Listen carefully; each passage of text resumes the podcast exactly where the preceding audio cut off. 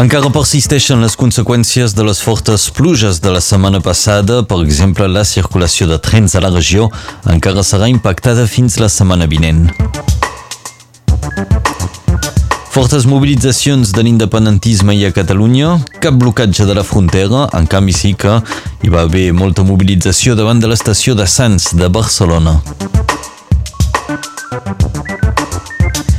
Lluís Puig, el conseller exiliat a Bèlgica, va ser present a l'estat francès ahir al municipi de Roissy, en Brie, a la Seine-i-Marne.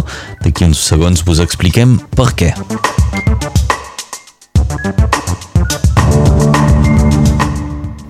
Deu municipis de Catalunya Nord han fet la demanda de reconeixement de catàstrofe natural per les tempestes dels dies 22 i 23 d'octubre.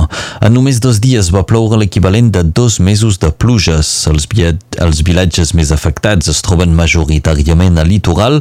És el cas d'Argelers, Cerver, el Barcarès i Porvendres, però també són concernits municipis com Cabastany, Morellàs Oms i Perpinyà. També s'hi haurien d'afegir els vilatges de Canet i de Sant Hipòlit. Ara caldrà esperar uns dies per saber si l'Estat reconeix l'estat de catàstrofe natural per a aquests municipis. I aquestes pluges també han provocat talls a les línies de camí de ferro. Cap tren no circula actualment entre Perpinyà i Montpellier. Aquests eh, talls es podrien allargar encara la setmana vinent. La SNCF parla d'una eventual reobertura de cara dilluns, però les obres a fer són importants. El tram entre Seta i Béziers és el que és més particularment tocat. Demà la SNCF hauria d'anunciar una data per la reobertura de la línia. L'autopista entre Catalunya Nord i Sud va estar oberta tot el dia ahir sense cap tall de circulació. Les previsions indicaven fortes pertorbacions per una mobilització atribuïda al CDR, que consistia en un tall de durada indefinida de la frontera. Finalment, cap mobilització massiva de l'independentisme, en canvi el desplegament policial va ser important. Fins a 17 furgonetes dels Mossos d'Esquadra, diversos efectius de la Guàrdia Civil i un helicòpter es van desplegar ben d'hora al matí. Només van controlar quelques persones sospitades de voler participar al tall de l'autopista.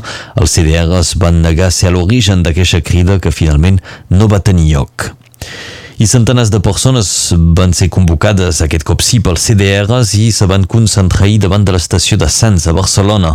Es tracta d'una nova acció de rebuig a la sentència del procés amb el lema Encerclem Sants. Els manifestants van criticar la violència de les forces policials, van reclamar l'alliberament dels presos i van demanar la dimissió del conseller d'Interior Miquel Buch. Qui també demana que se'n vagi Miquel Buch és la CUP, la formació de l'esquerra independentista, ha presentat una moció de la mesa del Parlament que demana la destitució del conseller d'Interior Miquel Buch per l'actuació dels Mossos en les protestes d'aquests últims dies. També reclama la retirada de, de Catalunya dels cossos de policia i militars espanyols, la dissolució de l'unitat antidisturbis dels Mossos, així com també l'amnistia total per totes les represaliades pel règim. Llargues cues ahir davant dels jutjats de Barcelona, Girona, Lleida i Tarragona. Centenars de persones es van presentar per autoinculpar-se per sedició per la manifestació del 20 de setembre del 2017 a Barcelona i per participar en el referèndum de l'1 d'octubre del mateix any. A Girona, més d'un centenar de persones van respondre a la crida d'Òmnium, però els Mossos van avisar que només deixarien entrar 25 persones, una restricció que va provocar moments de tensió. Aquestes concentracions manifestacions es podrien repetir avui o en els propers dies, ja que el vicepresident d'Òmnium, Marcel Mauri, va fer una crida ahir perquè la campanya d'autoinculpacions sigui la més massiva de la història de Catalunya. La Fiscalia belga demanarà avui que s'executi l'extradició de Carles Puigdemont pels delictes de sedició i de malversació. Així ho expressarà avui durant la vista convocada aquest matí sobre la reactivació de l'euroordre d'extradició impulsada pel jutge Pablo Llarena.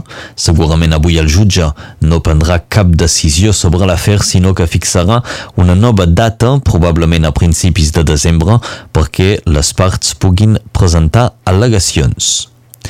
El conseller a l'exili Lluís Puig va participar en un acte públic ahir a l'estat francès. Va ser a Roissy-en-Brie, al departament de la Seine-i-Marne. El municipi va voler homenatjar la vintena d'intel·lectuals i escriptors catalans exiliats que se van refugiar al castell de Roissy-en-Brie entre els anys 1939 i 1940. Entre ells hi havia autors com Mercè Rodoreda, Pere Caldés, Armand Ubiols, Pere Quart i molts més. Ahir a l'homenatge, a més del conseller Lluís Puig, també va participar la consellera Mariàngela Vilallonga, el director del Museu Memorial de l'Exili de la Junquera, Alfons Quera, i també hi eren presents, evidentment, les autoritats del municipi. Acabem destacant que la Unió Europea ha acceptat ajornar de tres mesos el Brexit. Per tant, la data prevista és el 31 de gener del 2020, però el Regne Unit podria escurçar aquesta data si abans el Parlament de Westminster aprova el calendari de sortida.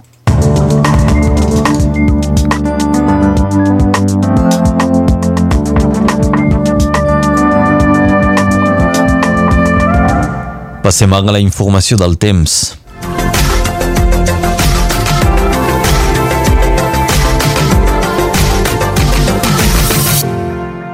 Avui dimarts el temps serà estable a totes les comarques de Catalunya Nord amb vents molt febles i variables.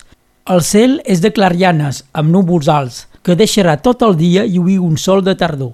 Les temperatures màximes seran suaus per la temporada.